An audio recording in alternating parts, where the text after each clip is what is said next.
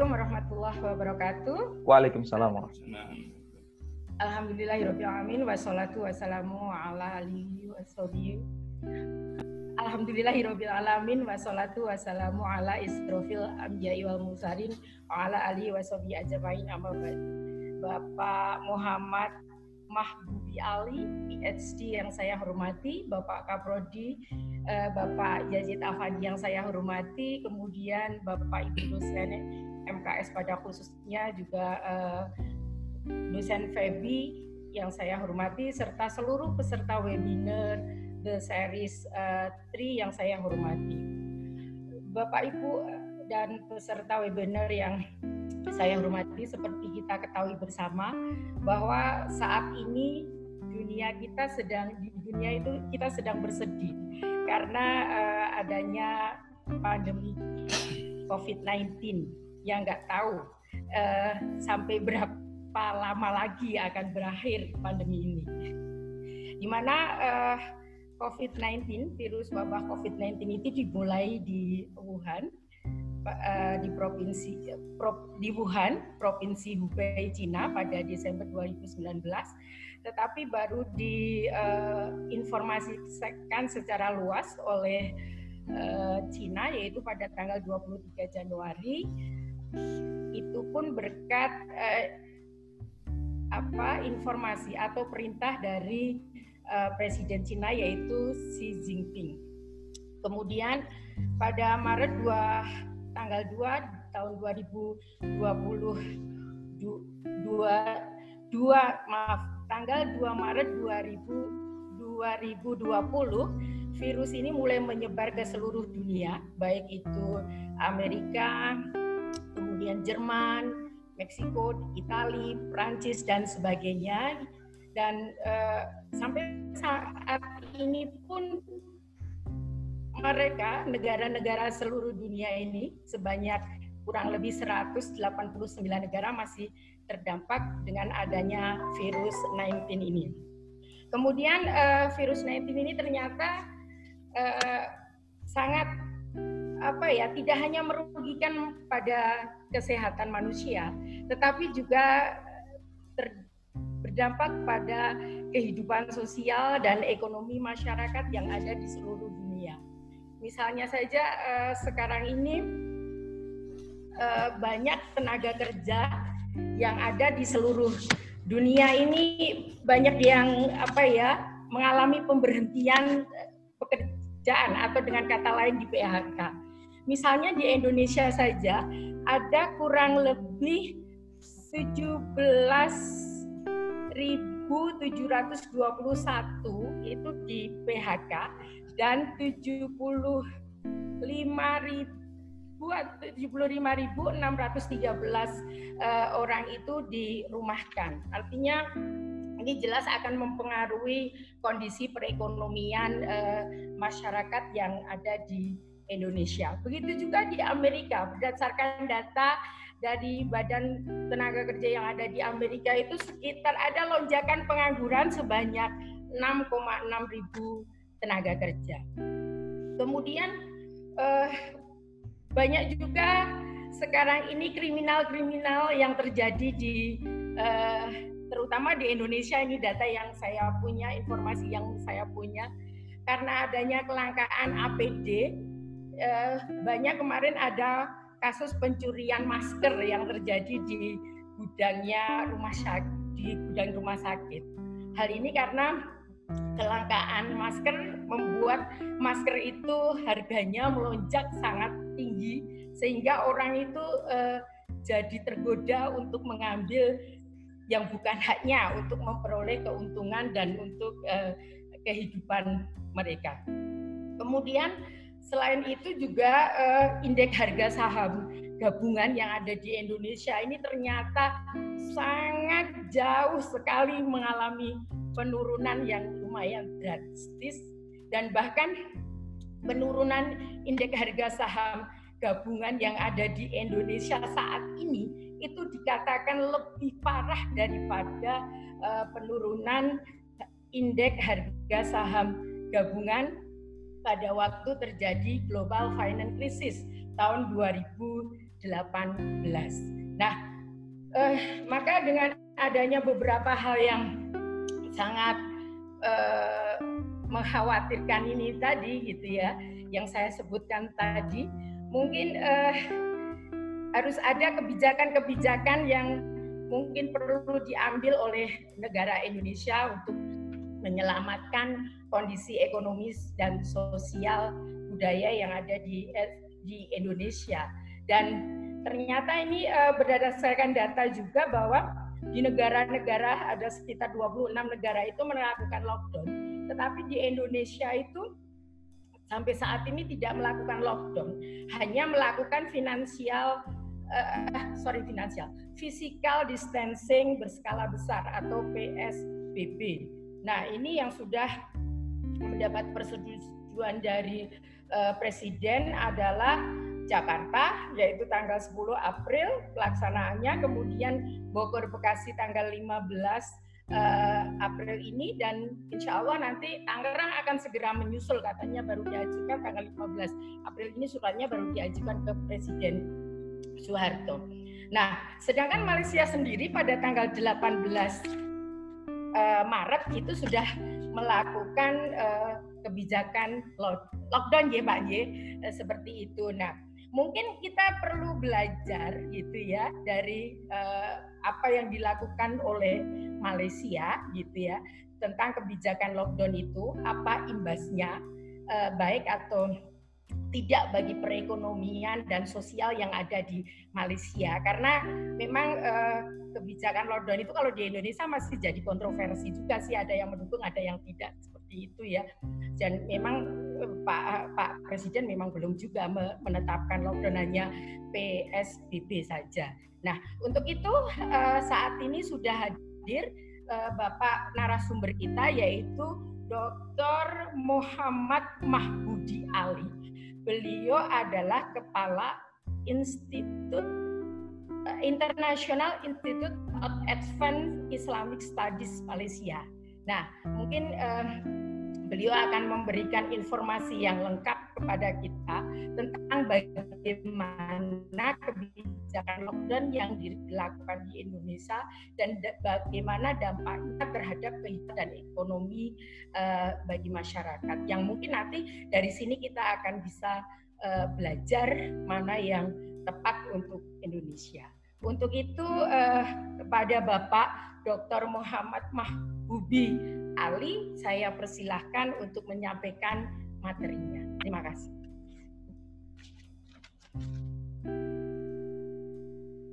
Baik, uh, Ibu terima kasih. Uh, saya mulai. Assalamualaikum warahmatullahi wabarakatuh. Waalaikumsalam warahmatullahi wabarakatuh. Uh, Alhamdulillah rabbil alamin. Alhamdulillahilladzi wa la yatafarraqu ithnani illa bi iradatihi.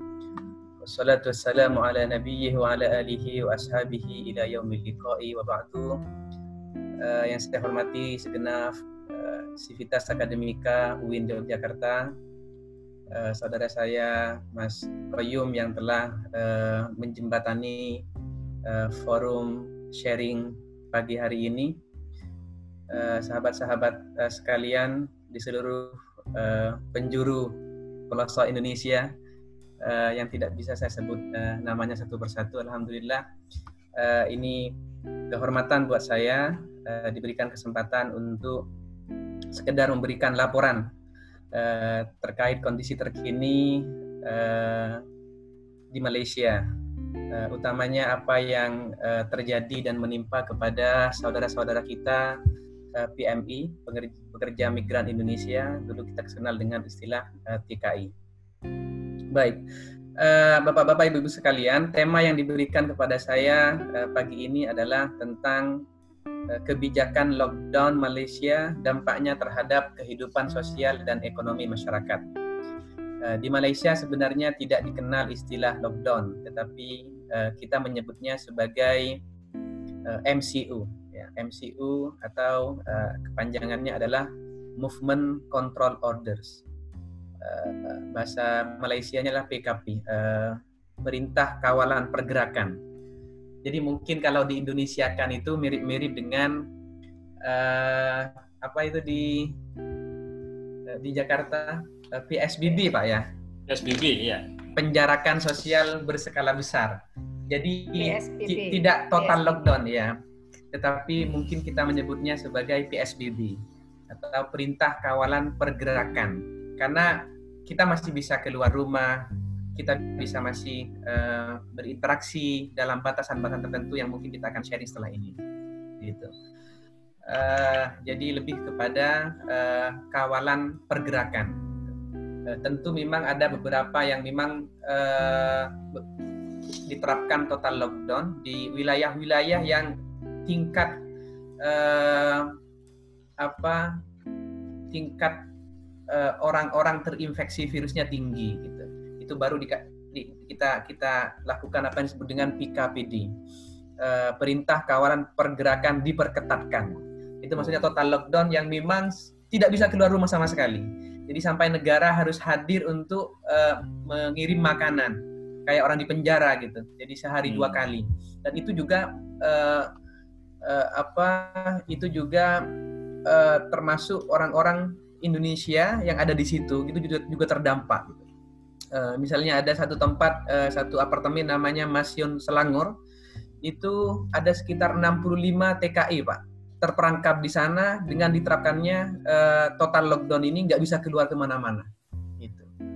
Orang-orang orang-orang Malaysia, warga Malaysia akan dijamin uh, kehidupannya, makannya semuanya, tetapi untuk orang-orang Malaysia sendiri, orang Indonesia sendiri, nah itu yang yang uh, agak memprihatinkan karena uh, sepertinya pihak KBRI masih belum menyentuh uh, mereka gitu. Makanya kami dari masyarakat ekonomi syariah setelah kajian ini kami akan datang untuk uh, apa memberikan bantuan sembako kepada mereka yang uh, terdampak total lockdown itu. Baik, ini beberapa uh, outline, beberapa agenda yang ingin uh, saya coba sharing dengan Bapak Ibu sekalian, uh, pandemic in history, bagaimana juga sejarah wabah dalam Islamic history, COVID global update, uh, kemudian kita masuk kepada COVID di Malaysia dan uh, bagaimana aturan lockdown yang ada di Malaysia, kemudian dampaknya terhadap uh, sosial, uh, ekonomi, kesehatan, terutama kepada uh, warga negara Indonesia yang ada di Malaysia dan apa government government respon ya bagaimana uh, negara hadir merespon terkait dengan uh, wabah ini. Baik, kalau kita uh, melihat dan menapaktilah sejarah sebenarnya wabah ini bukan sesuatu yang baru. Jadi sudah banyak sekali uh, wabah terjadi di tahun-tahun sebelumnya, abad-abad sebelumnya gitu yang juga uh, menewaskan uh, banyak orang gitu, mengorbankan banyak orang. Misalnya pada tahun uh, 1976 puncaknya 2005-2012 kita kenal dengan uh, apa penyakit HIV AIDS yang uh, sejak 81 sudah uh, menewaskan 36 juta. Kemudian juga mungkin yang juga besar dan mungkin yang uh, merupakan wabah terbesar sepanjang sejarah uh, manusia apa yang dikenal dengan the Black Death gitu ya. Uh, apa kematian hitam gitu ya. Uh, pada abad uh, 14 gitu yang menewaskan uh, setidaknya 75 sampai uh, 200 juta uh, umat manusia uh, pada saat itu gitu. Uh, kemudian kita juga mengenal wabah Justinian ya pada abad ke-6 uh, yang juga menewaskan uh, tidak kurang dari 25 juta uh, umat uh, manusia. Dalam uh, sejarah Islam juga kita kenal beberapa wabah ya. Uh, ada yang kita kenal dengan wabah uh, Shirawe, mungkin yang paling terkenal uh, pada masa Sayyidina Umar yang kita kenal dengan wabah Al-Amwas ya jadi wabah Al-Amwas ini awalnya menyerang sebuah desa kecil bernama Amwas yang terletak di Palestina atau Yerusalem dan dan Ar-Ramlah pada abad ke-7 ya, di mana pada saat itu eh, sebanyak 25.000 orang meninggal ya termasuk orang-orang dekat eh, Rasulullah Shallallahu alaihi wasallam di antaranya Abu Bakar dan sebagainya gitu. Sampai kita kenal eh, apa ucapan Sayyidina Umar uh, ketika misalnya tidak uh, berkenan masuk ke tempat uh, di mana wabah itu uh, menyebar gitu ya. kemudian ditanyakan oleh sahabatnya, "Atafirru min qada'illah?" Apakah kamu lari dari takdir Allah? Maka Sayyidina Umar uh, menjawab, "Nafirru min qada'illah illa qada'illah." Kita lari dari uh, kodok dan takdir Allah yang buruk dan pindah kepada takdir Allah yang baik, pada tempat yang baik. Kemudian kita juga kenal istilah wabah kufah yang terjadi pada abad uh, ke-7 di masa Khalifah Muawiyah uh, dari Bani Umayyah, ada wabah Al-Jarif, bahkan ada wabah Fatayat ini. Uh, Cuman belum ada wabah muslimat. Ya. wabah, wabah Fatayat ini terjadi di Basrah, Kufah, uh, dan di beberapa uh, wilayah di Damaskus, Pak, pada abad ke-8. Ya. Kenapa di, di, disebut dengan wabah Fatayat? Karena ternyata pada wabah uh, ini Eh, kebanyakan korbannya adalah uh, yang meninggal itu adalah orang-orang atau pelayan-pelayan perempuan dan wanita-wanita muda. Makanya disebut dengan wabah fatayat. Mungkin COVID ini karena yang menyerang orang-orang tua, maka sebetulnya namanya wabah ajuza gitu ya, wabah syuyukhoh sebagainya gitu ya. Kemudian juga uh, dalam uh, literatur uh, keislaman kita juga kenal uh, istilah wabah al-ashraf ya, sesuai dengan namanya disebut dengan wabah al-ashraf karena ternyata ada wabah ini yang memang mentarget orang-orang tertentu. Jadi dalam wabah al-ashraf ini yang ditarget adalah orang-orang lelaki dari kalangan bangsawan. Orang-orang kaya, orang-orang terhormat gitu. Makanya disebutkan al-ashraf, orang-orang mulia, bangsawan, orang-orang yang hidup di awan gitu ya.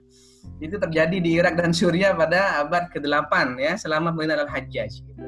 Sehingga memang kalau kita lihat eh, wabah-wabah yang terjadi itu biasanya dia merujuk kepada kalau dalam uh, apa dalam literatur keislaman itu bisa merujuk pada tempat di mana wabah itu uh, berasal gitu. Kayak Wuhan mungkin. Dulu kita kenal dengan Wuhan pandemic gitu Wuhan disease gitu ya. Karena karena COVID berasal dari Wuhan gitu. Uh, atau juga merujuk kepada target uh, korban gitu ya. Target wabah itu ke siapa gitu. Atau merujuk juga kepada tahun gitu misalnya ada wabah 743 744 gitu karena mungkin tidak ada nama spesifik gitu maka disebut dengan wabah 743 yang uh, dilaporkan uh, menewaskan uh, lebih dari 100 ribu orang di wilayah uh, Mesopotamia dan 20 ribu jiwa tiap hari selama satu bulan di wilayah Basrah dan Hawar. Ada wabah salam juga uh, terjadi di Basrah pada. Jadi uh, poinnya adalah bahwa virus, wabah, uh, pandemik atau epidemik itu itu sesuatu yang uh, biasa terjadi dalam kurun waktu uh, tertentu gitu dan menewaskan uh, banyak uh, orang uh, dan uh, tidak memilih uh, dari kalangan uh, tertentu. Kemudian ini update terbaru uh, baru saya tadi uh, apa uh, buka di uh, global update uh, apa global uh, update untuk COVID-19 ini uh, sampai 13 pagi 13 April 2020 eh, saat ini virus ini sudah menginfeksi lebih dari 1.800 orang, total kematian 113.000. Eh, tetapi yang eh, membuat kita agak lega gitu ya, ternyata tingkat kesembuhannya itu lumayan tinggi. Eh, sebanyak 421 ribu sudah sembuh. Jadi kalau kita hitung di sini mungkin sekitar berapa ini Pak ya? 20 persenan Pak ya. Sudah sembuh. Di Malaysia bahkan tingkat kesembuhan dari COVID ini sudah mencapai 45 persen lebih Pak. Dari total kasus uh, COVID gitu. Kemudian negara-negara ter terinfeksi tadi Ibu menyebutkan sekaligus dengan teritori tertentu itu sudah 210 negara dan teritori Ya, uh, jadi sudah hampir seluruh negara uh, terdampak COVID ini. Nah, uh, di Malaysia uh, per uh, 12 April 2020 uh, kita memiliki jumlah kasus keseluruhan sebanyak 4.683 dan uh, kasus yang masih dirawat sebanyak 2.499. Jadi sembuhnya sudah hampir separuh, Pak. 2.108. Jadi kita mengalami tingkat kesembuhan mungkin yang paling tinggi salah satunya tingkat kesembuhan uh, di dunia gitu. Uh, yaitu hampir uh, melampaui 45 uh, persen ya. Kemudian kita memiliki kematian uh, sebanyak 76 persen dan paling rendah Pak dibanding negara-negara lain. Uh, jadi kalau kita lihat uh, the average uh, fatality rate itu uh, sekitar 4 sampai 5 persen, di Malaysia itu tingkat kematiannya cuma 1,6 persen 1,6 persen dari total kasus COVID. Di Indonesia nggak tahu berapa itu, hampir 10 persen kalau nggak salah Pak ya. Berapa Bu? Ya hampir Kita 10. Itu yang tadi itu 4.271 ya kalau nggak salah hari ini. Terus yang sembuh itu 373 yang meninggal 359. Iya. 12 April itu. Hampir April. hampir 10 persen ya, 8 9 persen. Hampir, kurang dikit ya. Saya bisa memahami karena apa? Karena menurut saya banyak uh, mungkin uh, pasien yang terinfeksi itu belum teridentifikasi. Karena kalau kita lihat data gitu, sepatutnya rata-rata kematian itu harus lebih rendah dari 5%. Gitu.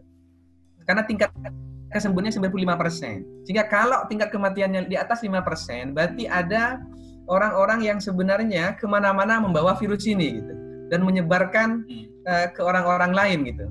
Mungkin itu juga salah satu faktornya karena memang kita kemampuan untuk melakukan rapid test itu itu sangat lemah. Saya baca berita kemarin itu dari per satu juta itu cuma 45 orang, 48 orang kalau nggak salah ibu ya, yang di yang diuji gitu. Yeah. Saya mengatakan bahwa virus ini tidak bisa melak, tidak bisa menggunakan metode sampling sebagaimana statistik gitu. Dia harus populasi gitu. Karena sampling tidak hmm. uh, menunjukkan uh, apa populasi gitu. Bisa jadi walaupun 99% persen uh, yang sudah diuji, bisa jadi satu persennya itu juga terkena COVID gitu. Jadi uh, uh, mestinya idealnya memang harus populasi bukan sampling. Apalagi kalau hanya 48 48 orang dari satu juta jiwa.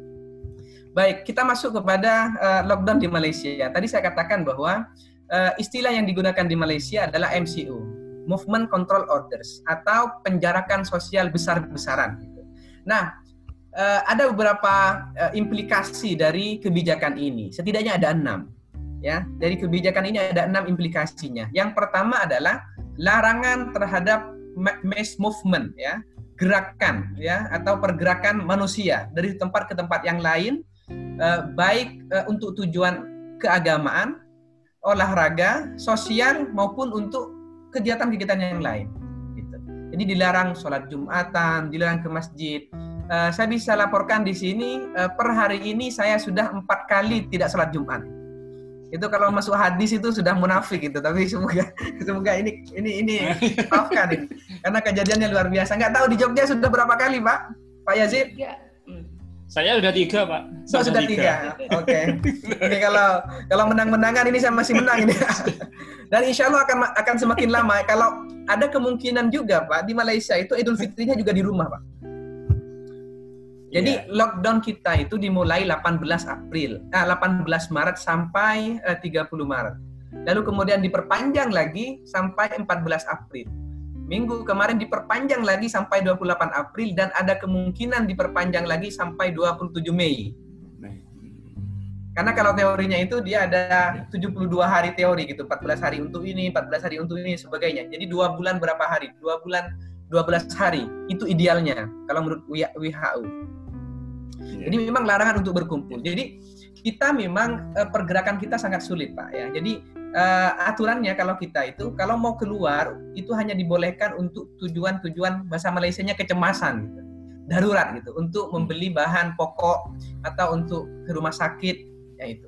Dan itu pun harus sendiri pak nggak bisa berdua gitu. Jadi makanya sekarang ini yang yang yang memenuhi pasar-pasar raya itu uh, super supermarket itu dan mall-mall tutup semua kecuali yang menyediakan bahan uh, makanan gitu itu lelaki semua ibu-ibunya di rumah gitu. Hmm. Makanya karena laki nggak bisa nggak biasa belanja gitu, akhirnya mereka bawa contekan gitu, pak apa yang mau dibeli gitu. Sehingga mereka kebingungan itu bapak-bapak yang nggak biasa ke pasar itu. Akhirnya sekarang di beberapa pasar itu disediakan pembantu, disediakan pembantu untuk membantu membela apa eh, membantu belanja gitu untuk laki-laki yang biasanya eh, yang tidak biasa membantu istrinya dalam kondisi normal gitu ya kayak saya gitu jadi jadi kayak gitu. Uh, jadi jarak 10 kilo maksimal kita bisa bergerak. Kemudian di setiap spot itu banyak razia, Pak. Banyak roadblock gitu ya. Hmm. Jadi penutupan-penutupan hmm. jalan. Jadi di, di seluruh negara kita ada lebih dari 1.600 uh, polisi dan tentara di situ, Pak. Hadir untuk memastikan hmm. bahwa uh, tidak ada pergerakan, gitu. tidak ada uh, orang-orang yang keluyuran tanpa ada tujuan yang jelas. Jadi kalau keluar pun kita harus ada surat, ada alasan yang jelas, tidak boleh dua, eh, tidak boleh lebih dari seorang. Eh, kemudian kalau gagal memberikan alasan, imma disuruh balik. Saya beberapa kali disuruh balik. Kemudian yang kedua, didenda pak seribu ringgit atau setara dengan tiga juta delapan ratus denda karena keluar dari karena melanggar gitu menantang perintah pergerakan ini. Kemudian yang kedua, uh, larangan uh, untuk bepergian ke luar negeri, uh, termasuk masuk ke dalam negeri, Pak. Jadi kita makanya pesawat-pesawat itu sudah banyak di cancel, bahkan jarang jarang sekali ada pesawat masuk ke Malaysia dan ke Indonesia gitu. Uh, sehingga kalau mau pulang itu rata-rata orang-orang itu lewat jalan tikus gitu, melalui uh, jalur Johor. Gitu gitu. Uh, maka karena poin ketiga itu adalah restriction on the entry of all tourists and foreign visitor into the country. Uh, turis nggak boleh masuk, orang luar nggak boleh masuk ke Malaysia, orang Malaysia nggak boleh ke luar negeri. Kalau ada orang Malaysia dari luar negeri mau masuk ke negaranya, maka dia harus melakukan karantina 14 hari. Saya pikir uh, kebijakan ini juga dilakukan di Indonesia. Kemudian yang keempat, seluruh perkuliahan, sekolah, SD, TK, semuanya harus ditutup tahfid, eh, pondok pesantren semuanya ditutup. Kemudian yang keenam ini yang juga yang yang memberikan dampak yang sangat besar terhadap ekonomi adalah closure of all government and private premise. Jadi seluruh uh, bisnis, seluruh pertukuan itu harus ditutup baik yang dimiliki negara atau swasta. Kecuali yang yang terlibat dengan essential services, jasa-jasa yang sangat esensial untuk memastikan kehidupan tetap berjalan. Yang doruriyah gitu kalau dalam mekosit itu, Pak. Itu yaitu uh, pasar raya gitu. Itu pun harus antri, Pak, berjarak 2 meter setiap uh, apa? setiap orang itu dan kemudian harus hanya bisa masuk lima orang uh, per per shift gitu. Sehingga antrinya itu bisa mengular itu karena jaraknya betul-betul dijaga secara ketat. Uh, kemudian uh, pasar raya, perbankan, pasar modal itu masih boleh dibuka, uh, klinik kesehatan sebagainya. Jadi ada sembilan essential services yang masih uh, boleh di apa bisa beroperasi di Malaysia. Selebihnya ditutup sampai hari ini sudah uh, ini adalah hari ke-25. Jadi otomatis uh, denyut uh, ekonomi di Malaysia ini uh, setengah hidup atau sudah setengah mati gitu, Pak ya. Setengah mati gitu uh, bahkan kendaraan sudah tidak boleh keluar sama sekali di, di atas jam 10 malam. Baik, nah apa dampak ekonominya? Uh, kalau kita lihat dari data uh, apa dari announcement Bank Negara Malaysia atau Central Bank of Malaysia mengatakan bahwa uh, tentu uh, dalam dalam konteks financial system ini akan berdampak dahsyat kepada uh, perbankan ya kepada lembaga keuangan di di, di Malaysia. Termasuk uh, lembaga keuangan uh, syariah termasuk bank syariah dan uh, takaful gitu ya. Itulah kenapa kemudian sekarang ini apalagi negara juga memberikan enforcement kepada perbankan untuk melakukan moratorium pak. Jadi nasabah-nasabah pembiayaan perbankan apa uh, baik itu di bank syariah atau bank konvensional untuk rumahan, mobil dan sebagainya itu harus ditunda pembayaran sampai enam bulan ke depan.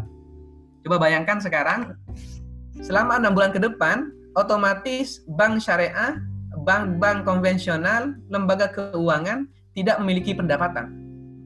Tapi pada saat yang bersamaan dia tetap harus membayar bunga kepada nasabahnya selama enam bulan. Untuk takaful, untuk asuransi selama tiga bulan tidak uh, harus melakukan moratorium terhadap terkait dengan pembayarannya pembayaran premium atau kontribusi kaful. Jadi selama tiga bulan uh, otomatis uh, asuransi nggak dapat pendapatan sama sekali, sementara klaim tetap berjalan gitu. Orang sakit, orang meninggal, kecelakaan sebagainya. Akhirnya kenapa kemudian uh, ini yang kemudian uh, World Bank juga uh, melakukan prediksi bahwa uh, growth uh, uh, Malaysia uh, atau uh, apa tingkat uh, uh, ekonomi uh, Malaysia ini akan uh, uh, minus pada tahun 2020 diproyeksikan minus 0,1 persen. Uh, padahal di tahun 2019 kita masih uh, mengalami uh, peningkatan ekonomi uh, 4,3 atau 4 persen gitu. Termasuk juga di Indonesia saya juga dengar uh, skenario terburuknya juga bisa uh, minus 0,4 persen. Ya. Uh, nah, siapa yang paling terdampak uh, dari aspek ekonomi terhadap uh, uh, kebijakan lockdown ini? Tentu uh, tadi saya katakan small and medium enterprise. Jadi perusahaan-perusahaan kecil dan menengah, karena mereka harus total tidak beroperasi, uh, termasuk korporasi juga, termasuk juga uh, perbankan, pak uh, termasuk juga lembaga keuangan. Kenapa? Karena ada uh, istilah mengatakan bahwa the bank follows the business gitu ya. Jadi ketika sektor realnya mandek seperti sekarang gitu, maka otomatis mereka tidak dapat revenue. Ketika tidak mendapat tidak ada revenue, maka tidak ada profit. Ketika tidak ada profit, maka cicilan akan bermasalah gitu. Ketika jika ada bermasalah, maka perbankan, sektor perbankan juga akan bermasalah. Itu teori ekonominya. Sehingga kemandekan di sektor real ini akan berakibat otomatis kepada sektor finansial gitu. Pada sektor finansial, uh, apalagi sekarang sudah apa diproyeksikan akan terjadi NPF besar-besaran karena tadi uh, the closure of business itu penutupan bisnis secara besar-besaran yang berakibat terhadap mangkraknya cicilan, NPF tinggi, NPL tinggi. Lalu di sisi dia juga tidak boleh uh, melakukan uh, klaim pembayaran kepada nasabahnya gitu itu luar biasa. Maka saya melihat Pak, uh, menurut saya krisis sekarang ini akan jauh lebih dahsyat dampaknya gitu daripada krisis 98, 9798, 2008, 2013. Karena krisis-krisis itu kebanyakan yang sebelum-sebelumnya itu lebih kepada financial sector gitu Pak. Sedangkan pasar tetap berjalan gitu, penjual, pembeli tetap bertemu gitu. Pasar tradisional tetap bergerak sebagainya gitu. Tapi sekarang semuanya mati gitu. Semuanya mati uh, pasar yang real tidak bisa tidak bisa jalan karena harus ditutup gitu ya. Uh, kemudian uh, juga perbankan juga tidak bisa memberikan uh, pembiayaan bahkan tidak bisa uh, me mengambil pembayaran uh, gitu. Uh, dan negara susah hadir. Kalau dalam kondisi normal ketika ada masalah gempa, negara hadir untuk melihat gitu ya. Kalau ada masalah uh, banjir, mereka hadir. Tapi sekarang dengan adanya virus ini, negara juga takut mau hadir. Jadi kontrolnya juga lewat online gitu. Hmm. Atasi masalahnya juga lewat online. Itu kan susah gitu. Karena kalau datang negaranya juga bisa mati gitu. Jadi jadi krisis kesehatan ini imbasnya juga pada krisis ekonomi yang luar biasa dan ujung-ujungnya krisis sosial.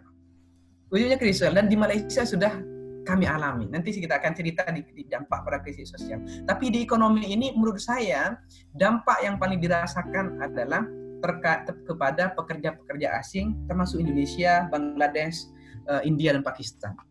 Sebagai negara-negara paling banyak uh, apa negara-negara yang uh, mengirimkan paling banyak pekerja asing di sini. Jadi kenapa kemudian uh, warga kita paling terdampak? Karena mereka ini adalah sektor uh, yang bekerja harian dengan gaji harian. Gitu. Sehingga ketika mereka dapat gaji, biasanya mereka langsung kirim ke rumahnya, kirim ke Indonesia untuk anak-anaknya, untuk orang tuanya, untuk keluarganya, untuk mungkin bangun rumah, untuk pendidikan keluarganya gitu.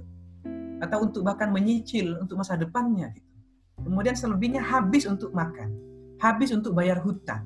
Sehingga mereka tidak pernah melakukan mitigasi resiko gitu proyeksi bahwa ke depan akan terjadi lockdown seperti ini di mana pekerjaan ditutup 100% gitu 100% ya ketika ini terjadi maka mereka sangat terdampak dan terpukul sekali dan nyaris mereka tidak memiliki pendapatan sama sekali.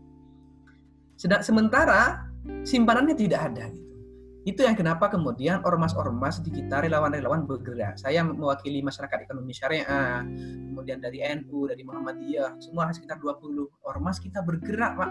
Cuman memastikan bahwa mereka hanya bisa makan. Yang bisa kita bantu hanya menyalurkan beras, tidak lebih gitu.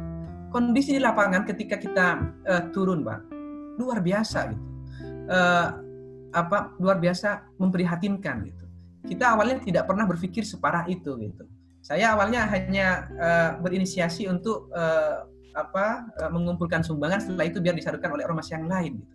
Tapi karena responnya banyak, kemudian permintaannya juga banyak, kita coba turun ke lapangan.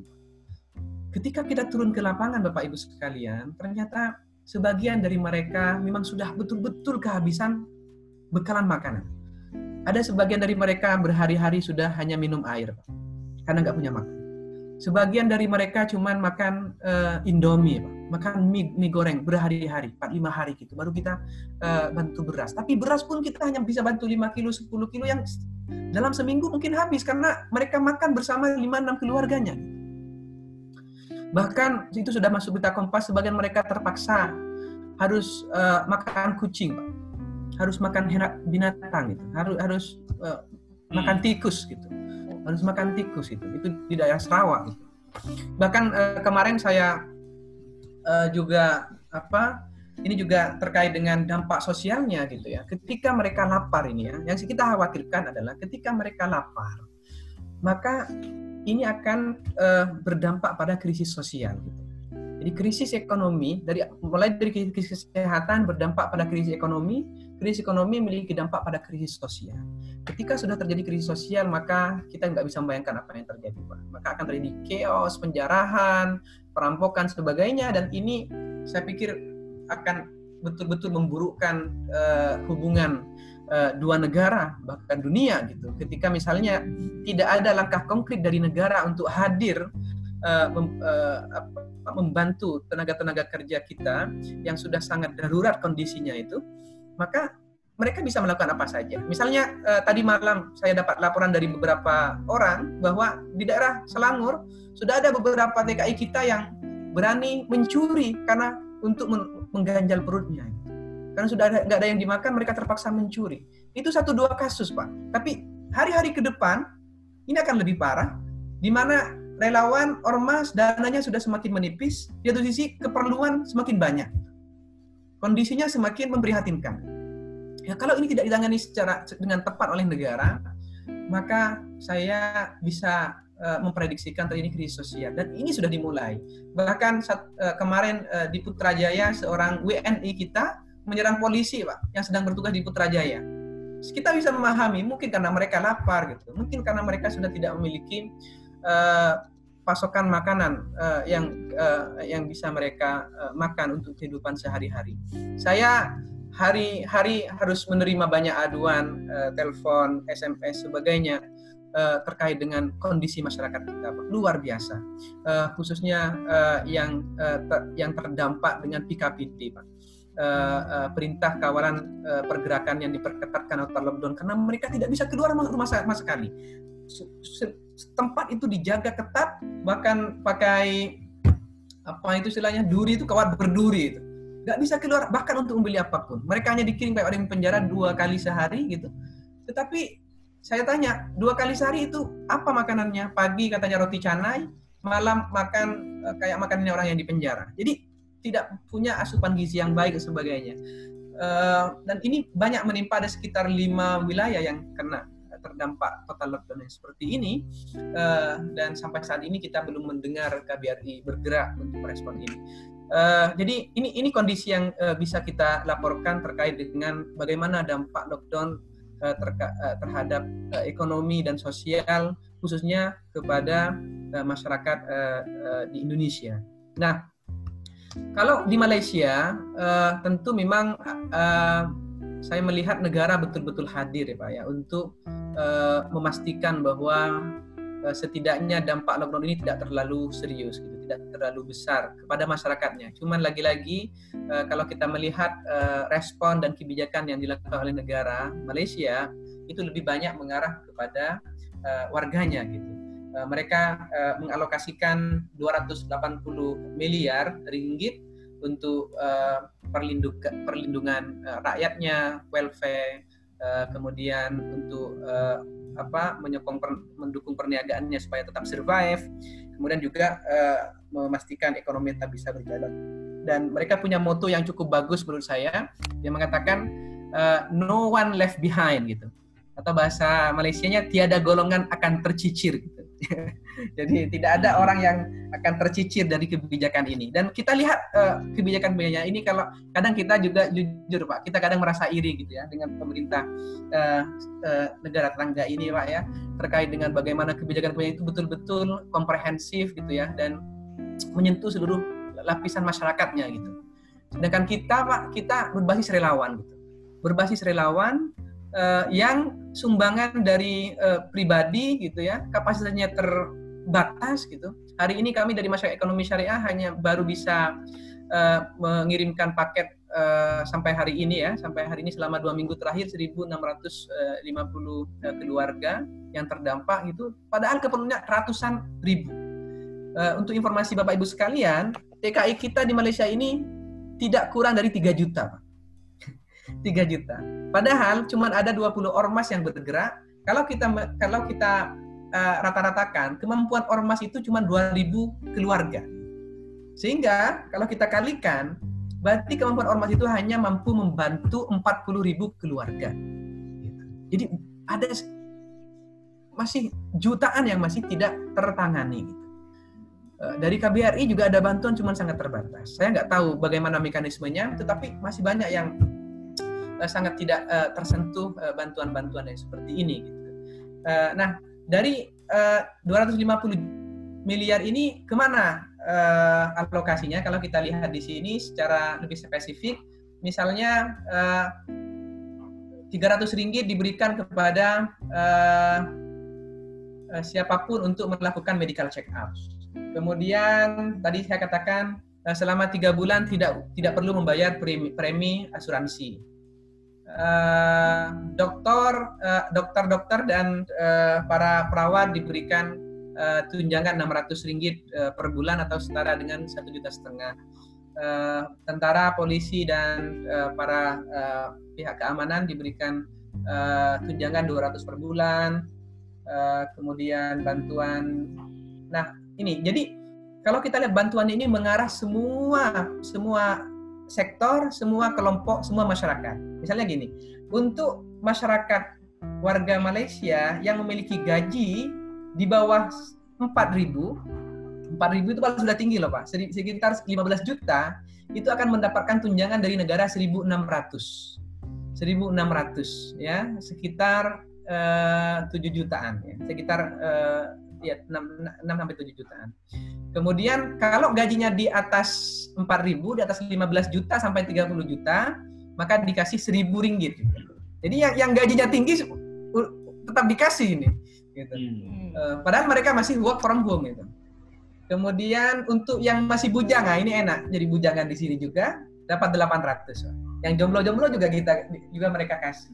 Uh, uh, apa kasih bantuan 800 kalau dia memiliki pendapatan di bawah 2000 ringgit atau 250 kalau mereka memiliki uh, pendapatan uh, uh, di antara 2000 sampai uh, 4000. Kemudian juga untuk seluruh mahasiswa-mahasiswa juga dikasih bantuan 200 ringgit per orang uh, dan seterusnya misalnya penangguhan pembayaran, Pak. Uh, tadi pembayaran uh, mu, uh, apa pembayaran pembiayaan selama enam bulan oleh dari perbankan, kemudian pembayaran apa ini rumah ya. Rumah juga enam bulan nggak usah bayar utamanya uh, pada eh, rumah-rumah yang dimiliki oleh negara gitu. Uh, rumah sewa untuk uh, perumahan awam istilahnya public uh, house.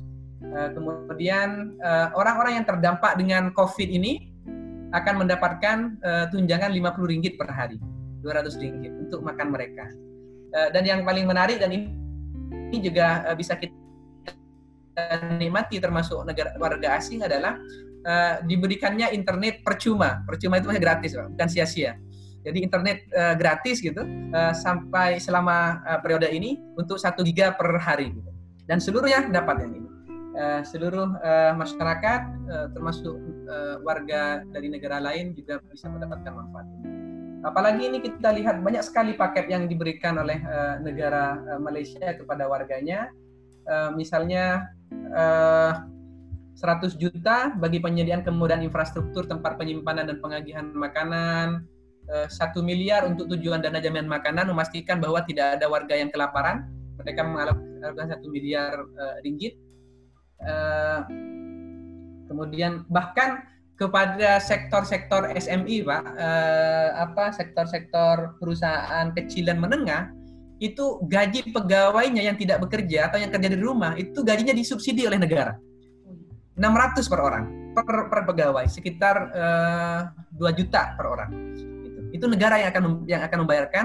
Jadi mereka melarang uh, seluruh uh, perusahaan-perusahaan uh, baik sektor kecil, menengah dan besar untuk memecat uh, warganya, memecat uh, pegawainya, untuk uh, mem-PHK uh, pegawainya karena negara hadir untuk memberikan uh, subsidi. Jadi walaupun uh, kita uh, di, walaupun mereka menerapkan lockdown, tetapi uh, tetap perusahaan beroperasi uh, dengan mekanisme work from home, Mbak. Work from home sehingga gaji tetap jalan bahkan disubsidi oleh negara. Cuman memang tidak semua sektor-sektor perusahaan ini jasa dan uh, dan barang ini bisa dikerjakan dari rumah kan gitu pak? Supir nggak bisa kerja dari rumah uh, apalagi dokter nggak bisa kerja dari rumah uh, grab nggak bisa kerja dari rumah. Tetap harus ada yang keluar. Padahal kita keluar nggak bisa gitu. jadi itu yang terdampak. Makanya kalau menurut saya nah termasuk juga pekerja-pekerja kita pekerja bangunan itu nggak bisa dikerjain dari rumah nggak bisa bangunan itu berdiri sendiri dengan hanya menggunakan internet gitu. Atau atau komputer gitu. Nah sehingga kenapa itu kemudian eh, apa WN kita yang paling terdampak, paling terdampak? Karena mereka adalah pekerja-pekerja kasar gitu ya yang hanya menggunakan hard skill gitu ya bukan soft skill gitu. Sehingga mereka tidak uh, dapat mengoptimalkan atau memanfaatkan fasilitas work from home itu.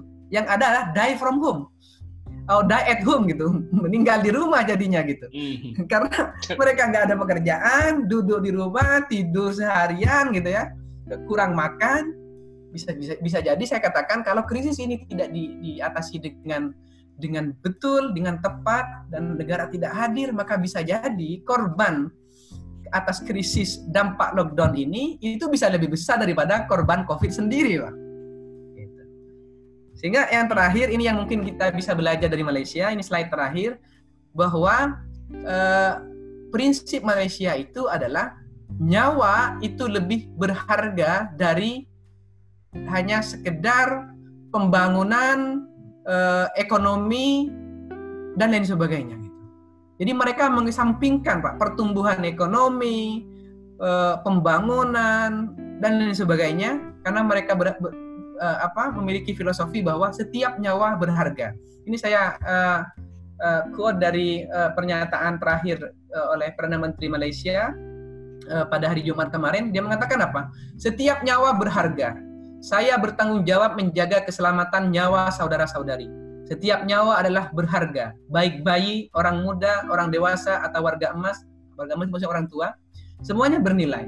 Kehilangan satu nyawa karena virus ini bukan berarti kehilangan kepada suami, istri, anak-anak, atau keluarga terdekat saja, tapi juga merupakan suatu kehilangan besar buat negara.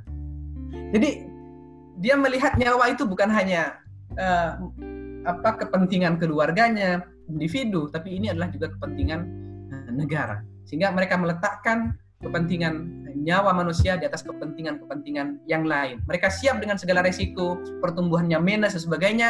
Yang penting nyawa warga mereka terselamatkan.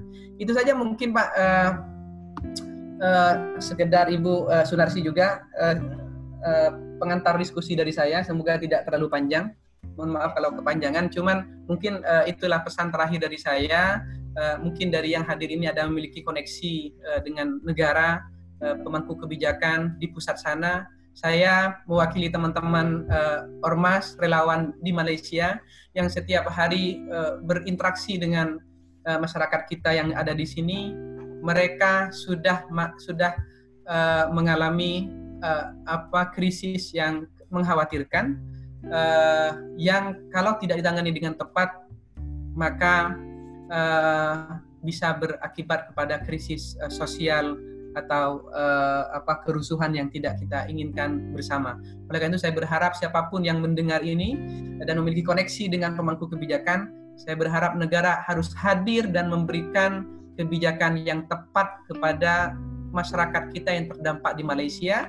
Ada beberapa alternatif. Yang pertama, misalnya negara hadir untuk menjemput mereka uh, dari Malaysia dengan cara apa pun kalau tidak mau menjemput karena takut uh, memberi apa uh, membawa virus dari sini, takut men menjangkiti orang lain di sana, negara hadir memberikan bantuan, baik sembako atau bantuan langsung tunai. Gitu. atau bantuan langsung tunai. Yang penting mereka bisa makan, yang penting mereka masih bisa hidup. Gitu. Kalau tidak maka kita bisa melihat krisis kemanusiaan akan akan terjadi uh, di Malaysia ini. Terima kasih Ibu, terima kasih Bapak Ibu sekalian. Ini saja yang mungkin bisa saya uh, share sebagai pengantar diskusi. Uh, saya kembalikan kepada Ibu Sunarsi untuk memimpin jalannya diskusi. Ya. Assalamualaikum warahmatullahi wabarakatuh. Waalaikumsalam warahmatullahi wabarakatuh. Terima kasih Bapak Mahbubi Ali yang sudah menyampaikan materinya. Oh ya, saya cuma sedikit mengkoreksi apa yang saya sampaikan tadi Bapak. Berdasarkan data per 12 April itu uh, yang terinfeksi itu totalnya 400 4.241 itu yang positif kemudian yang sembuh itu 359 sedangkan yang meninggal itu ada 370 tiga itu yang ada di Indonesia. Cuman mengkoreksi aja daripada yeah, yeah. nanti uh, saya tadi ada kesalahan seperti itu. Oke, okay, uh, Bapak Ibu peserta uh, webinar The Series 3, silahkan uh, bagi yang mau bertanya atau mengajukan pertanyaan kepada Bapak Mahbubi PhD, saya persilahkan. Jadi sudah banyak sekali ya kebijakan uh, kebijakan apa saja yang uh, dilakukan di Malaysia itu sudah disampaikan oleh Bapak Mahfud. Silahkan, uh, mungkin Mas Muhammad Iqbal mau menyampaikan pertanyaan.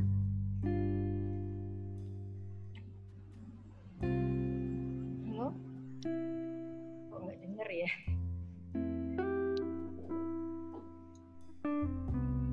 Halo, ada pertanyaan? Enggak. Oh ya.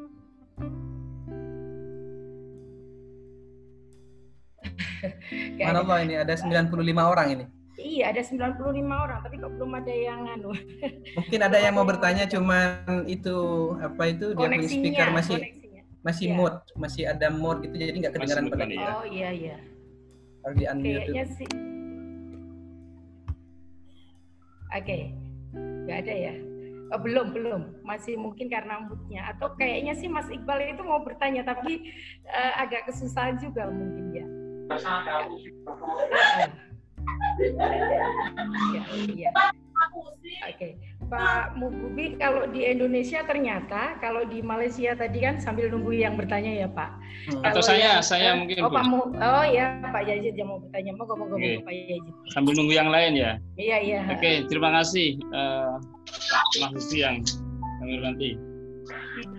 Um, beberapa beberapa hari yang lalu beberapa hari beberapa minggu yang lalu kalau di Indonesia itu diskusinya adalah lockdown atau bukan gitu. Dan itu cukup ramai isu itu bahkan mungkin uh, sudah apa ya kalau saya malah malah melihatnya ini sudah masuk ke unsur politik juga. Pilihan untuk uh, tadi istilahnya apa? M MCO MCO yang juga nampaknya juga bukan lockdown itu. Betul. Ya MCO ya namanya ya. Betul. Itu kalau di Malaysia itu ngalami eh, apa namanya ngalami diskusi cukup panjang enggak untuk untuk me, melihat perbedaan kondisi aja gitu.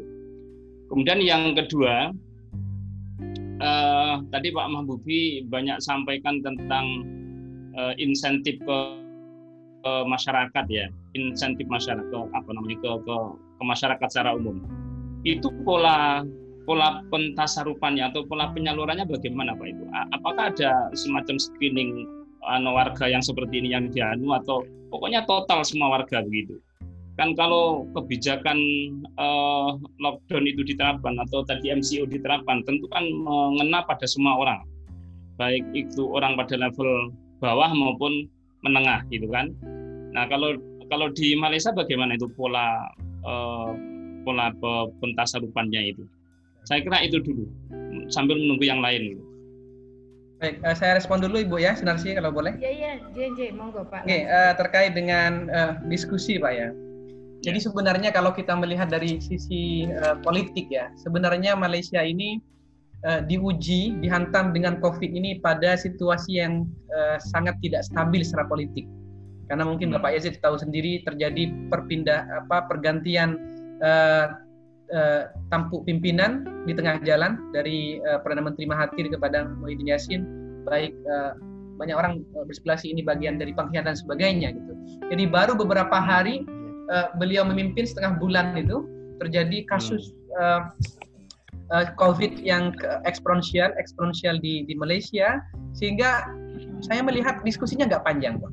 Diskusinya hampir tidak pernah terdengar gitu. Jadi uh, hmm. uh, tiba-tiba saja uh, Tan, Tan Sri Muhyiddin melakukan uh, press conference bahwa akan diberlakukan MCO ini, Movement Control Order. Jadi hmm. tidak ada uh, hengki-pengki politik di situ karena uh, saya pikir kalau negara bisa mengkomunikasikan tujuannya dengan baik ya dan diterima oleh masyarakat bahwa ini untuk kepentingan mereka gitu, ini untuk kepentingan nyawa mereka, maka bi mereka bisa menerima. Dan saya bisa sampaikan di sini bahwa uh, tingkat kepatuhan rakyat Malaysia terkait dengan perintah pergerakan ini itu mencapai 97 persen, sangat tinggi sekali. Padahal ini ini lockdownnya bukan satu wilayah loh. MCU ini bukan perintah untuk satu wilayah yang biar yang membiarkan provinsi-provinsi tertentu untuk mengambil kebijakan itu. Tidak, ini adalah kebijakan pusat yang harus diikuti oleh wilayahnya, oleh seluruh wilayah di Malaysia tanpa terkecuali.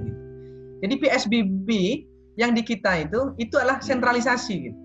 Hmm. Bukan yang opsional. Kalau di, di Indonesia masih opsional, Pak ya. Jakarta PSBB yang lain masih belum sebagainya gitu.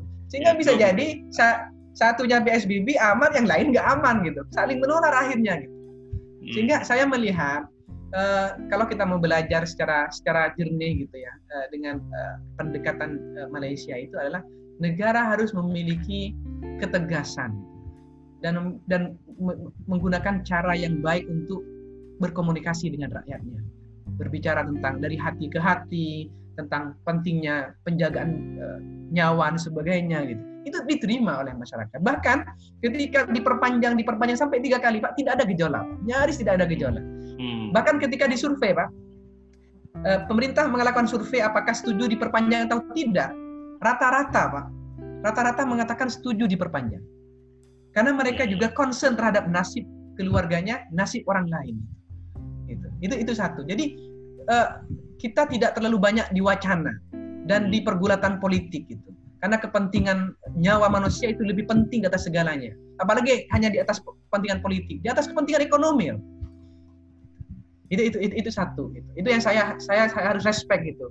Kalau kita berbanding uh, misalnya dengan uh, bagaimana respon negara kita gitu ya menghadapi ini gitu. Bagaimana terjadinya uh, apa perang kata-kata di media atau atau pernyataan yang saling ber, apa bertolak belakang antara satu dengan yang lain. Jadi tidak ada koordinasi gitu. Ya mungkin karena terlalu besar kita gitu. Agak susah gitu. Itu yang pertama. Yang kedua bagaimana uh, mekanisme penyalurannya. Ini ini yang juga kita kita juga mungkin bisa belajar gitu ya uh, karena filosofinya adalah no one left behind. Tidak ada satu orang pun yang uh, tertinggal gitu, yang tidak terbantu. Maka uh, setiap orang dengan skala ekonomi, dengan status sosial yang berbeda-beda, tetap menerima bantuan. Pak. Jadi ada yang bantuan pada pada seluruhnya, termasuk seperti misalnya uh, bantuan internet gratis setiap hari satu giga itu seluruhnya bahkan orang-orang uh, non non Malaysia pun bisa mendapatkan manfaat itu ada yang bantuan untuk seluruh orang Malaysia uh, misalnya moratorium perbankan takaful asuransi gitu itu semuanya tanpa melihat status ekonomi gitu jadi otomatis itu pak.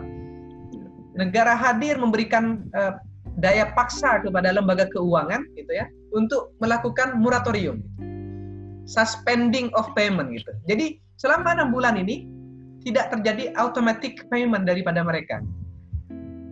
Dan tidak boleh ada penagihan kepada mereka. Itu yang untuk skala uh, skala uh, apa lintas sosial gitu lintas uh, status sosial ada yang berbasis uh, kelompok sosial gitu uh, misalnya uh, yang belajar yang belajar dia dapat keuntungannya khusus untuk belajar yang masih bujang dia dapat ke, dia dapat paket uh, tunjangan uh, dan dibagi itu ber, ber, berdasarkan gajinya gitu.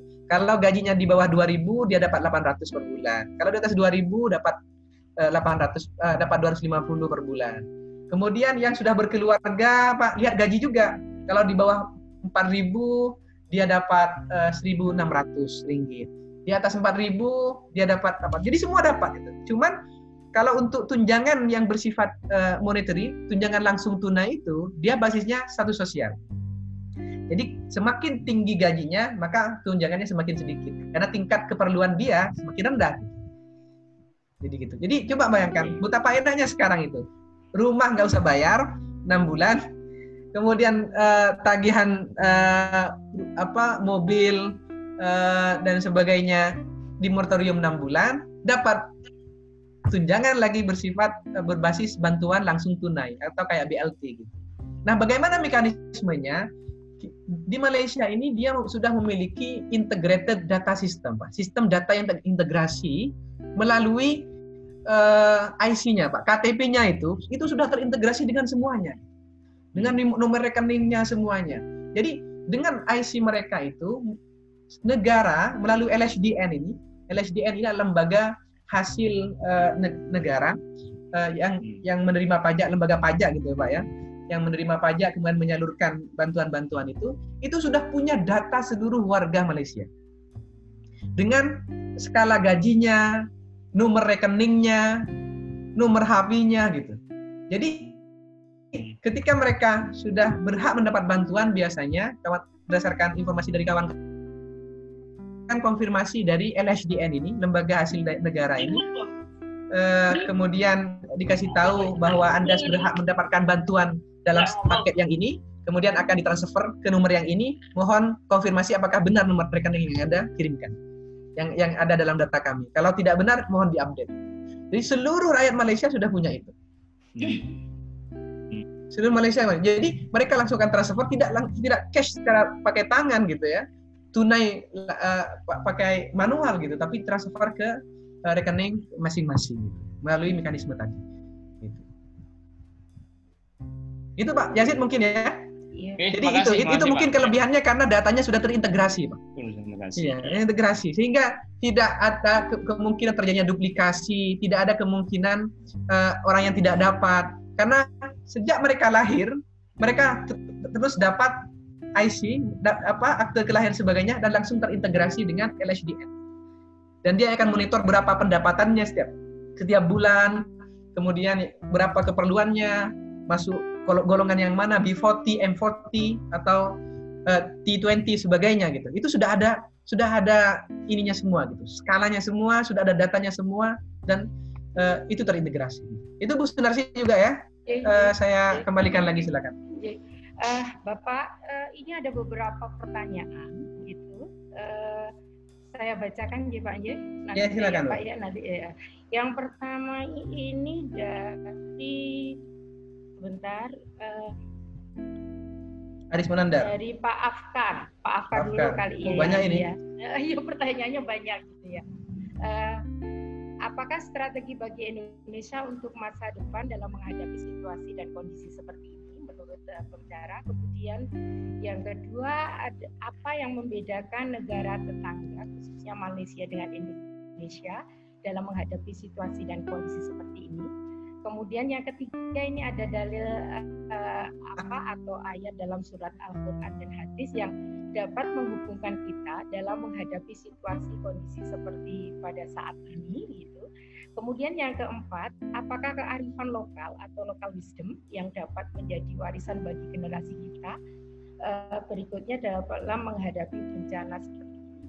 Kemudian yang kelima ini Tiongkok dengan sistem komando uh, komandonya atau komuni uh, komunisnya dan Indonesia dengan sistem gotong royongnya, Tiongkok dengan status negara maju sedangkan Indonesia berstatus negara berkembang. Apakah ini yang menjadi perbedaan dari segi kebijakan sosial, ekonomi dan Waduh, ini pertanyaan dari Mas Afhar ini aja sudah bisa dua jam ini. Ikatan Akuntan Indonesia. Allah. Oke oke iya. baik. Saya, saya sudah bisa baca sendiri. Mungkin saya baca sendiri aja Bu ya. Oh, iya, iya, uh, yang sudah saya jawab karena mungkin dalam diskusi kita dalam presentasi saya beberapa juga sudah saya singgung ya. Jadi saya skip aja ya. Uh, Pak uh, Afhar ya. Af, siapa? Af, Afhar ya. Nanti kalau uh, perlu diskusi lanjut mungkin kita bisa di luar forum ini. Karena biasanya webinar ini nggak boleh lebih satu jam. Lebih satu jam biasanya sudah hilang semua. Sudah pergi ke alam arwah. Baik, uh, apa strategi bagi Indonesia untuk masa depan dalam menghadapi situasi dan kondisi seperti ini? Strategi, uh, ya saya, kalau kita belajar dari negara-negara yang lain yang sukses menghadapi kasus COVID ini, termasuk mungkin di Indonesia, di Malaysia, walaupun masih belum berhasil, tapi tidak bisa dikatakan gagal karena jumlah uh, COVID hariannya semakin menurun sekarang sudah stabil menurun gitu.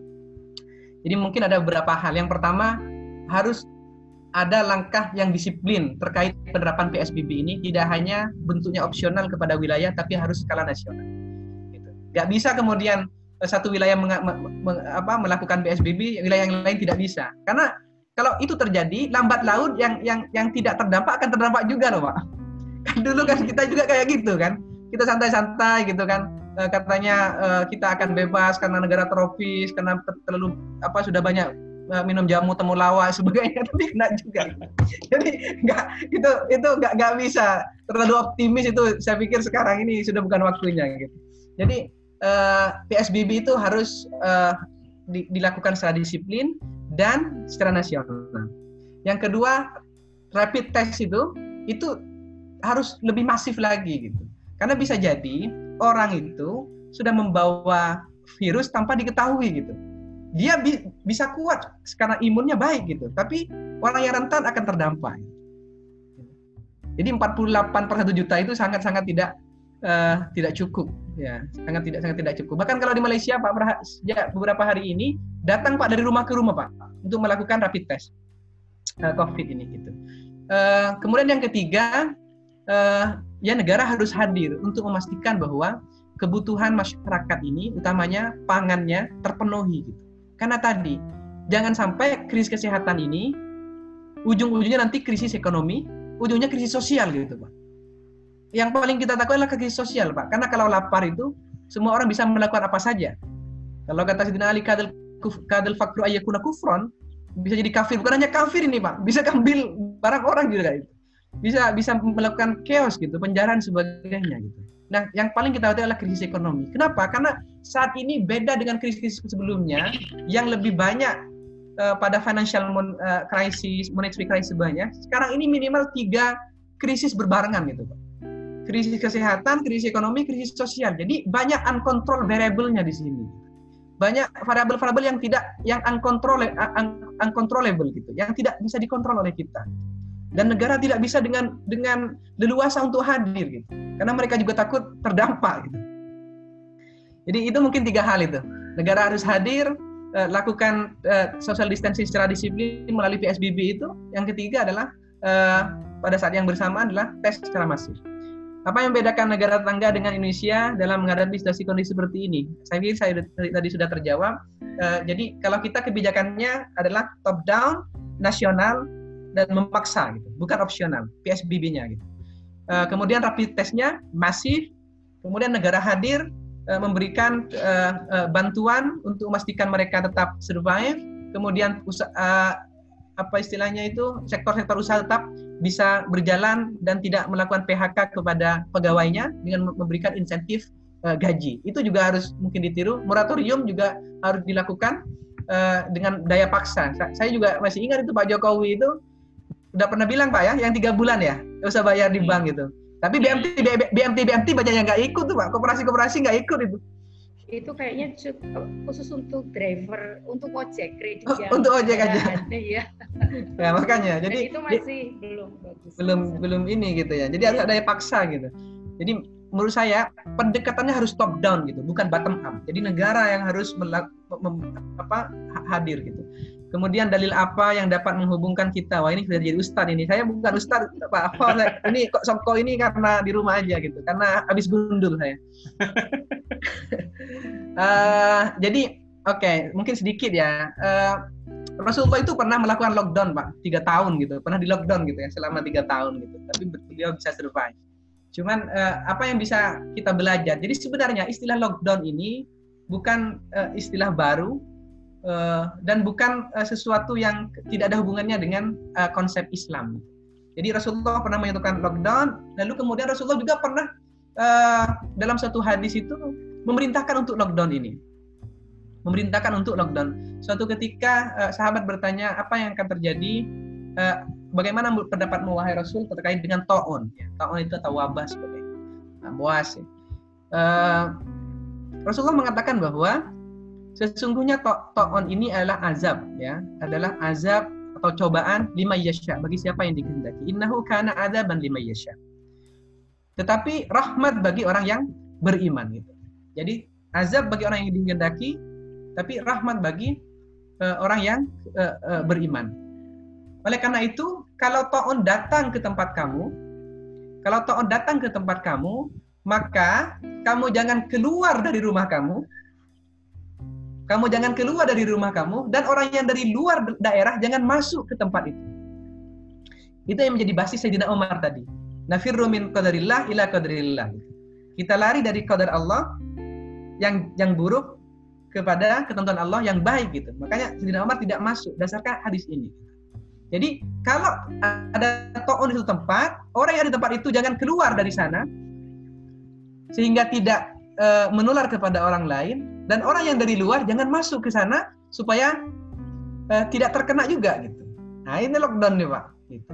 Dan ada janji yang dikatakan Rasulullah di sini, sesungguhnya orang-orang yang ada di dalam e, rumah untuk menghadapi lockdown ini, PSBB ini, dengan sobiron wa muhtasiban karena sabar dan dan tidak ada tujuan lain kecuali mencari ridho Allah, ikut uril amri supaya menyelamatkan diri dan keluarganya dari wabah ini dan tidak uh, membahayakan orang lain, maka pahalanya sama dengan pahala ajri syahid. Pahala orang yang mati syahid. Bahkan dalam hadis lain dikatakan orang yang meninggal karena kena wabah itu adalah meninggalnya disamakan dengan meninggal dalam kondisi syahid. Jadi seperti itu uh, sehingga itu sebenarnya teori Islam. Oke, okay? ketika menghadapi wabah, yaitu orang yang terkena wabah di satu tempat jangan keluar rumah, jangan keluar ke daerah lain, dan orang yang luar, yang dari luar jangan masuk ke dalamnya. Dikenal istilah sekarang lockdown, MCU atau sebagainya. Padahal dasarnya dari itu hadis. Dan apakah pernah terjadi? Terjadi Rasulullah pernah mengalahkan itu tiga tahun kemudian pada Sayyidina Umar itu juga uh, ketika terjadi wabah amwas itu juga uh, melakukan lockdown pada wilayah-wilayah yang uh, yang terkena dan Sayyidina Umar bahkan ketika mau masuk wilayah itu dia balik lagi berdasarkan uh, hadis yang uh, tadi diceritakan uh, Sahih hadis dari Sahih Bukhari. Baik, uh, udah jam berapa ini sudah ini? Uh, uh, sudah lapar ini ya, semua ya? Mohon iya, mohon maaf ini sudah jam 11. Sebenarnya banyak sekali pertanyaan ya, Pak ya. Cuma ya, jadi Oh, sudah jam. Jadi harus harus harus tutup ya? Harus Har iya. Kita kan waktu kita hanya satu jam saja. Uh, baik. Atau atau saya saya cepat-cepat aja ya. Cepat-cepat oh. kasihan yang yang ini atau gimana? Oh, iya. Tidak tidak usah semuanya saja Pak. Uh, Oke. Okay. Apa ke kearifan kan lokal? Iya. iya. Tiongkok. Nanti kita bisa diskusi bareng lah ya. Oh, saya iya. akan share share slide-nya. Kemudian ada ada nomor handphone dan email. Mungkin kita bisa diskusi di uh, ini Apakah ada data statistik yang terjangkit COVID di Malaysia? Tadi sudah sudah ada ya. Uh, apakah uh, rencana Malaysia mendeportasi warga asing sampai saat ini belum? Belum. Terkait kebijakan pending payment yang dilakukan oleh pemerintah Malaysia, adakah ada kebijakan bahwa bank diberikan penangguhan pembayaran bunga simpanan terhadap nasabahnya? Iya, selama enam bulan, betul.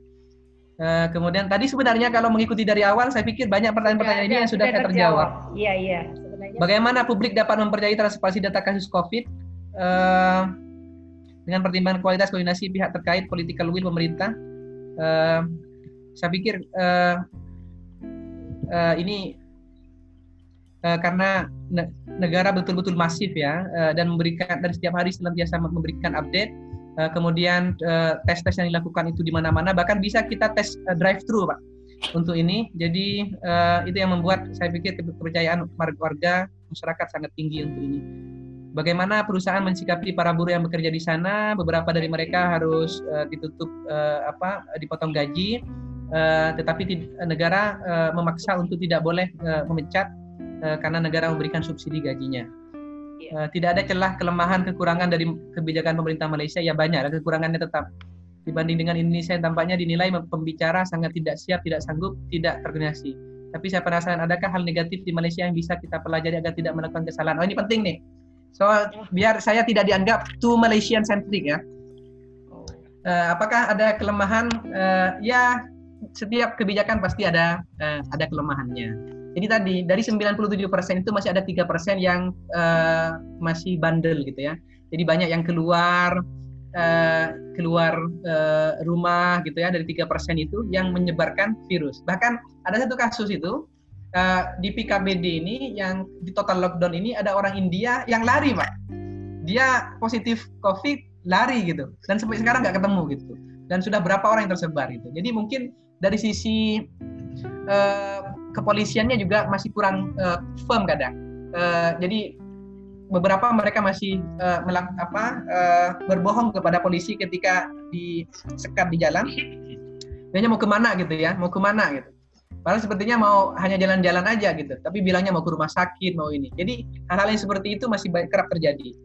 Gitu. Sehingga uh, menurut saya sekatan-sekatan di jalan itu masih banyak polisi-polisi uh, yang yang kecolongan gitu ya uh, polisi yang uh, kecolongan, uh, kemudian dan lain-lain sebagainya ya. Uh, kenapa? Ini banyak sekali ini. Saya juga nggak iya, menyangka ini. Ini saya nggak tahu mau jawab ini. Ternyata banyak sekali yang ingin. Uh, saya, saya kembalikan kepada Bu Sunarsi. Kalau waktunya memang harus ditutup, silakan. Tapi kalau perlu saya jawab, saya akan jawab semampunya. Oh iya, mohon. Mas Izra, ini waktunya iya. Saya kira sudah dulu ya karena ini sudah jam 11 atau mungkin uh, seperti yang disampaikan oleh Pak Mahbubi tadi nanti kita akan coba membuat uh, apa ya suatu media gitu yang menghubungkan antara Bapak Mahbubi dengan teman-teman. Atau kalau boleh mungkin uh, email Pak Mahbubi bisa kita minta kemudian nanti oh, iya, uh, kita share Ibu. ke teman-teman gitu. Sebenarnya di slide ini, uh, di ya. slide ini pun saya sudah ada email. Saya saya akan coba uh, sharing uh, ini ini uh, sharing slide ini. Gak tahu gimana mekanismenya karena ini kan uh, banyak dari mana-mana ini. Ada dari ya. alam uh, alam gaib juga kayaknya. uh, jadi saya nggak tahu gimana mau share slide ini. Di sini juga ada email saya, WhatsApp saya, uh, kemudian handphone. Uh, mungkin bisa diskusi uh, secara pribadi gitu ya kalau ada hal-hal yang yeah. Iya. uh, belum uh, bisa saya cover karena waktu ya juga yang tidak uh, mengizinkan gitu. Iya, mungkin gini Pak. Mas Koyum silakan. Oh iya, monggo. Iya, jadi nanti mungkin slide-nya bisa di-share ke kami, terus nanti kami akan meminta kepada admin web Febi untuk meletakkan uh, apa slide-nya di situ sehingga semua peserta bisa mendownload uh, eh, PPT dari Pak Mahbubi di situ. Saya kira gitu Pak, yang gampang. Siap, siap Mas Koyum. Okay. Ya, terima okay. kasih banyak. Oke, okay. okay. baik. Sebelum yeah. ditutup, mungkin ini Bu Narsi saya mau izin dulu. Uh, yeah. Saya minta kesediaan nanti minta izin dulu ke Pak Mahbubi bahwa nanti um, rekaman ini ya baik video maupun audio untuk video nanti akan kita share ke YouTube dan audio nanti akan kita unggah uh, akan kita produce menjadi podcast dan akan kita unggah ke Spotify begitu Pak supaya uh, bisa didengar oleh uh, publik dan uh, generasi milenial yang lain yang memang saat ini sedang gemar uh, apa namanya mendengarkan podcast yang ada di Spotify seperti itu. Oke, baik. Uh, monggo Pak, monggo ya, Pak, silakan, silakan ya, ya, oh, ya. monggo, silakan dengan senang hati. Yang penting bisa bermanfaat buat siapa pun. Ya, baik. Insya Allah sangat bermanfaat Pak. Uh, baik uh, Bapak Ibu dan seluruh peserta webinar The Series 3 yang saya hormati. Ini karena waktu ya sebenarnya banyak banget pertanyaan untuk Pak Mampuki dan Pak Mampuki pun sebenarnya siap menjawab, tapi karena waktu kita dibatasi waktu hanya uh, sekitar satu jam ini sudah lebih dari satu jam gitu. Ya, yang perlu kita garis bawahi di sini ternyata bahwa uh, apa, pandemi uh, COVID-19 ini ternyata membuat tiga krisis yang berbarengan yaitu krisis ekonomi, sosial dan kesehatan di mana semuanya itu tidak bisa uh, dikontrol atau uncontrollable. Maka untuk itu uh, tadi ada saran dari Pak pembicara yaitu Bapak Dr. Mas Budi bahwa mungkin uh, Indonesia bisa saja mengikuti apa yang dilakukan oleh Malaysia dalam menangani COVID-19 ini. Yang pertama yaitu lockdown yang dilakukan atau sebenarnya PSBB yang dilakukan di Indonesia itu jangan uh, bottom up tapi top down gitu ya Pak ya dan itu seluruhnya saja tidak hanya lokal top lokal uh, lokal lockdown saja tetapi secara keseluruhan national atau nasional lockdown gitu. Kemudian rapid test yang selama ini dilakukan harus dilakukan secara masif. Kemudian uh, ini negara Indonesia itu harus hadir dalam kondisi seperti ini. Harusnya ada bantuan-bantuan bagi seluruh uh, warga yang terdampak COVID itu baik itu yang tidak punya gaji sekalipun sampai yang punya gaji itu semuanya uh, memperoleh bantuan seperti apa yang dilakukan di Malaysia. Walaupun besarnya uh, apa bantuan itu disesuaikan dengan kondisi perekonomian masyarakat uh, yang terdampak seperti itu. Karena uh, kita sebaiknya mengikuti prinsip Perdana Menteri Malaysia bahwa ternyata ternyata nyawa itu lebih penting daripada uh, pertumbuhan ekonomi. Seperti itu oh, juga ya. benar bukan ternyata. Gimana? Memang lebih penting. Oh lebih penting ya. Maaf, mungkin perlu dikoreksi. ya ada protes dari mulai lapis gitu ya. Ya bukan bukan ternyata, tapi memang, memang nyawa wajib itu lebih wajib memang. ya wajib lebih penting daripada apa pun. Uh, pertumbuhan ekonomi bisa mengikuti kalau nyawa masih ada di dalam Betul. badan kita gitu ya. Benar. saya, Karena saya ekonomi kita, itu hadir untuk untuk menjaga nyawa manusia. Untuk yang hidup iya, ya. Ekonomi. Oke, saya kira itu saja yang bisa saya sampaikan uh, pada diskusi uh, siang ini. Dan terima kasih banyak Halo. kepada Bapak Halo? Ya? Kepada Bapak Dokter Oh ya maaf maaf ini ada Pak Sofiullah sebelum saya. Oh iya. Pak Sofiullah mau memberikan sambutan. Pak Sofiullah oh, bukan adalah wakil Ya gimana Pak Sifullah? Uh, uh, pendapat atau dari Bapak Wakil Dekan tiga kita Bapak Mas. Assalamualaikum Pak Wakil Dekan, apa kabar? Waalaikumsalam warahmatullahi wabarakatuh. Pak Dr. Mahbub Ali. Ya, Alhamdulillah. Alhamdulillah. apa kabar? Saya Ki. Saya saya Ki, Alhamdulillah. Saya tak boleh saya elok-elok. Sorry ya kita pakai bahasa planet. Alhamdulillah. Ya, saya mengikuti, saya senang sekali apa diskusi ini. Artinya eh, apa pun solusi yang coba kita petakan semuanya ya baik. Problemnya adalah kata Einstein itu problem itu tidak akan pernah bisa diselesaikan orang yang berada dalam problem itu. betul, betul. The same level cannot to solve this problem. Jadi tapi kita sebagai anu tetap harus ikhtiar. ikhtiar. Malaysia baik dan Indonesia saya kira baik. Problemnya kenapa Indonesia kok tidak seperti Malaysia? Karena Indonesia negara kepulauan. Besar. Kalau Malaysia eh, wilayahnya sempit sedikit itu saya kira wajib wah, lebih mudah. Lebih mudah apalagi kayak Singapura di lockdown. Kalau untuk Indonesia wah susah sekali. Saya kira meskipun Perdana Menteri Malaysia dan Singapura diimpor ke Indonesia nggak akan mungkin bisa menyelesaikan problem iya. di Indonesia. Betul sekali. Itu Artinya kita punya solusi masing-masing sesuai dengan lokal wisdom yang ada di, di konteks kebangsaan kita. Memang kalau kita bandingkan ya nggak fair juga apple to apple Malaysia beda lah dengan Indonesia menurut saya. Tapi apa pun pembelajaran yang saya ambil dari sini saya kira eh, apa semangat lah ya. Kalau saya tetap optimis, saya husnudon pimpinan saya di Pak Jokowi dan semuanya itu pastilah uh, bahasanya bulatis itu wajib lah uh, menghargai nyawa nyawa, manusia. Uh, cuman problemnya kemampuan Caranya. fiskalnya bangsa kita, coba kedisiplinannya dan lain sebagainya Tujuh. memang merupakan problem dan tantangan negara kita. Uh, artinya apa? Uh, ya kita tinggal ikhtiar aja. Ini kita tinggal ikhtiar ibda binafsik itu ya. Menurut saya dulu memang pernah ada ada wabah taun ini, tapi tidak seperti sekarang. Dulu terlokalisir di negara tertentu di Damaskus, di Sam gitu ya. Tapi ini kan seluruh dunia. Ini seluruh dunia dan ini baru sekali terjadi. Sehingga uh, ini wajar saja kalau problem. Cuman saya agak khawatir ketika ada prediksi prediksi dari salah seorang pakar, pakar yang belum saya kemarin ikuti, ya, ini paling cepat recovery-nya itu Desember untuk Indonesia. Allah. Coba. Sementara negara lain sudah recover, Pak ya. Nah, kita baru itulah. kita baru mulai masalahnya ini sebenarnya. Nah, ya. Baik, saya kira cukup ya. Saya bukan pembicara berikut. Terima kasih. Salam Terima kasih. untuk Pak Ali. Iya. Salam. Salam hormat. Oke, Helangkong. Saya setuju tadi bahwa uh, poinnya Pak Pak Sofi ini kan itu adalah one solution does not fit for all. Satu solusi tidak sesu, tidak tidak mungkin sesuai untuk semuanya. Jadi mungkin pendekatan Malaysia sesuai untuk Malaysia, tapi mungkin juga uh, tidak sesuai untuk Indonesia atau negara yang lain karena tadi lokal wisdomnya berbeda, kondisinya berbeda sebagainya. Terima kasih, Pak. Ya, ya, oke.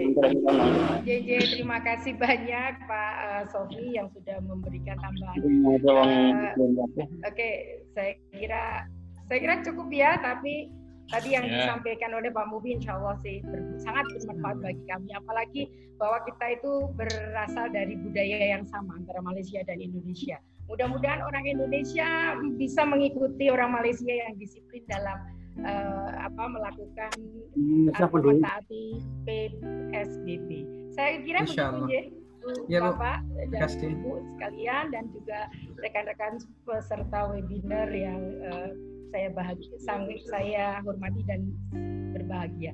Uh, mari kita tutup uh, acara webinar kali ini dengan membaca hamdalah bersama-sama. Alhamdulillah, Alhamdulillah.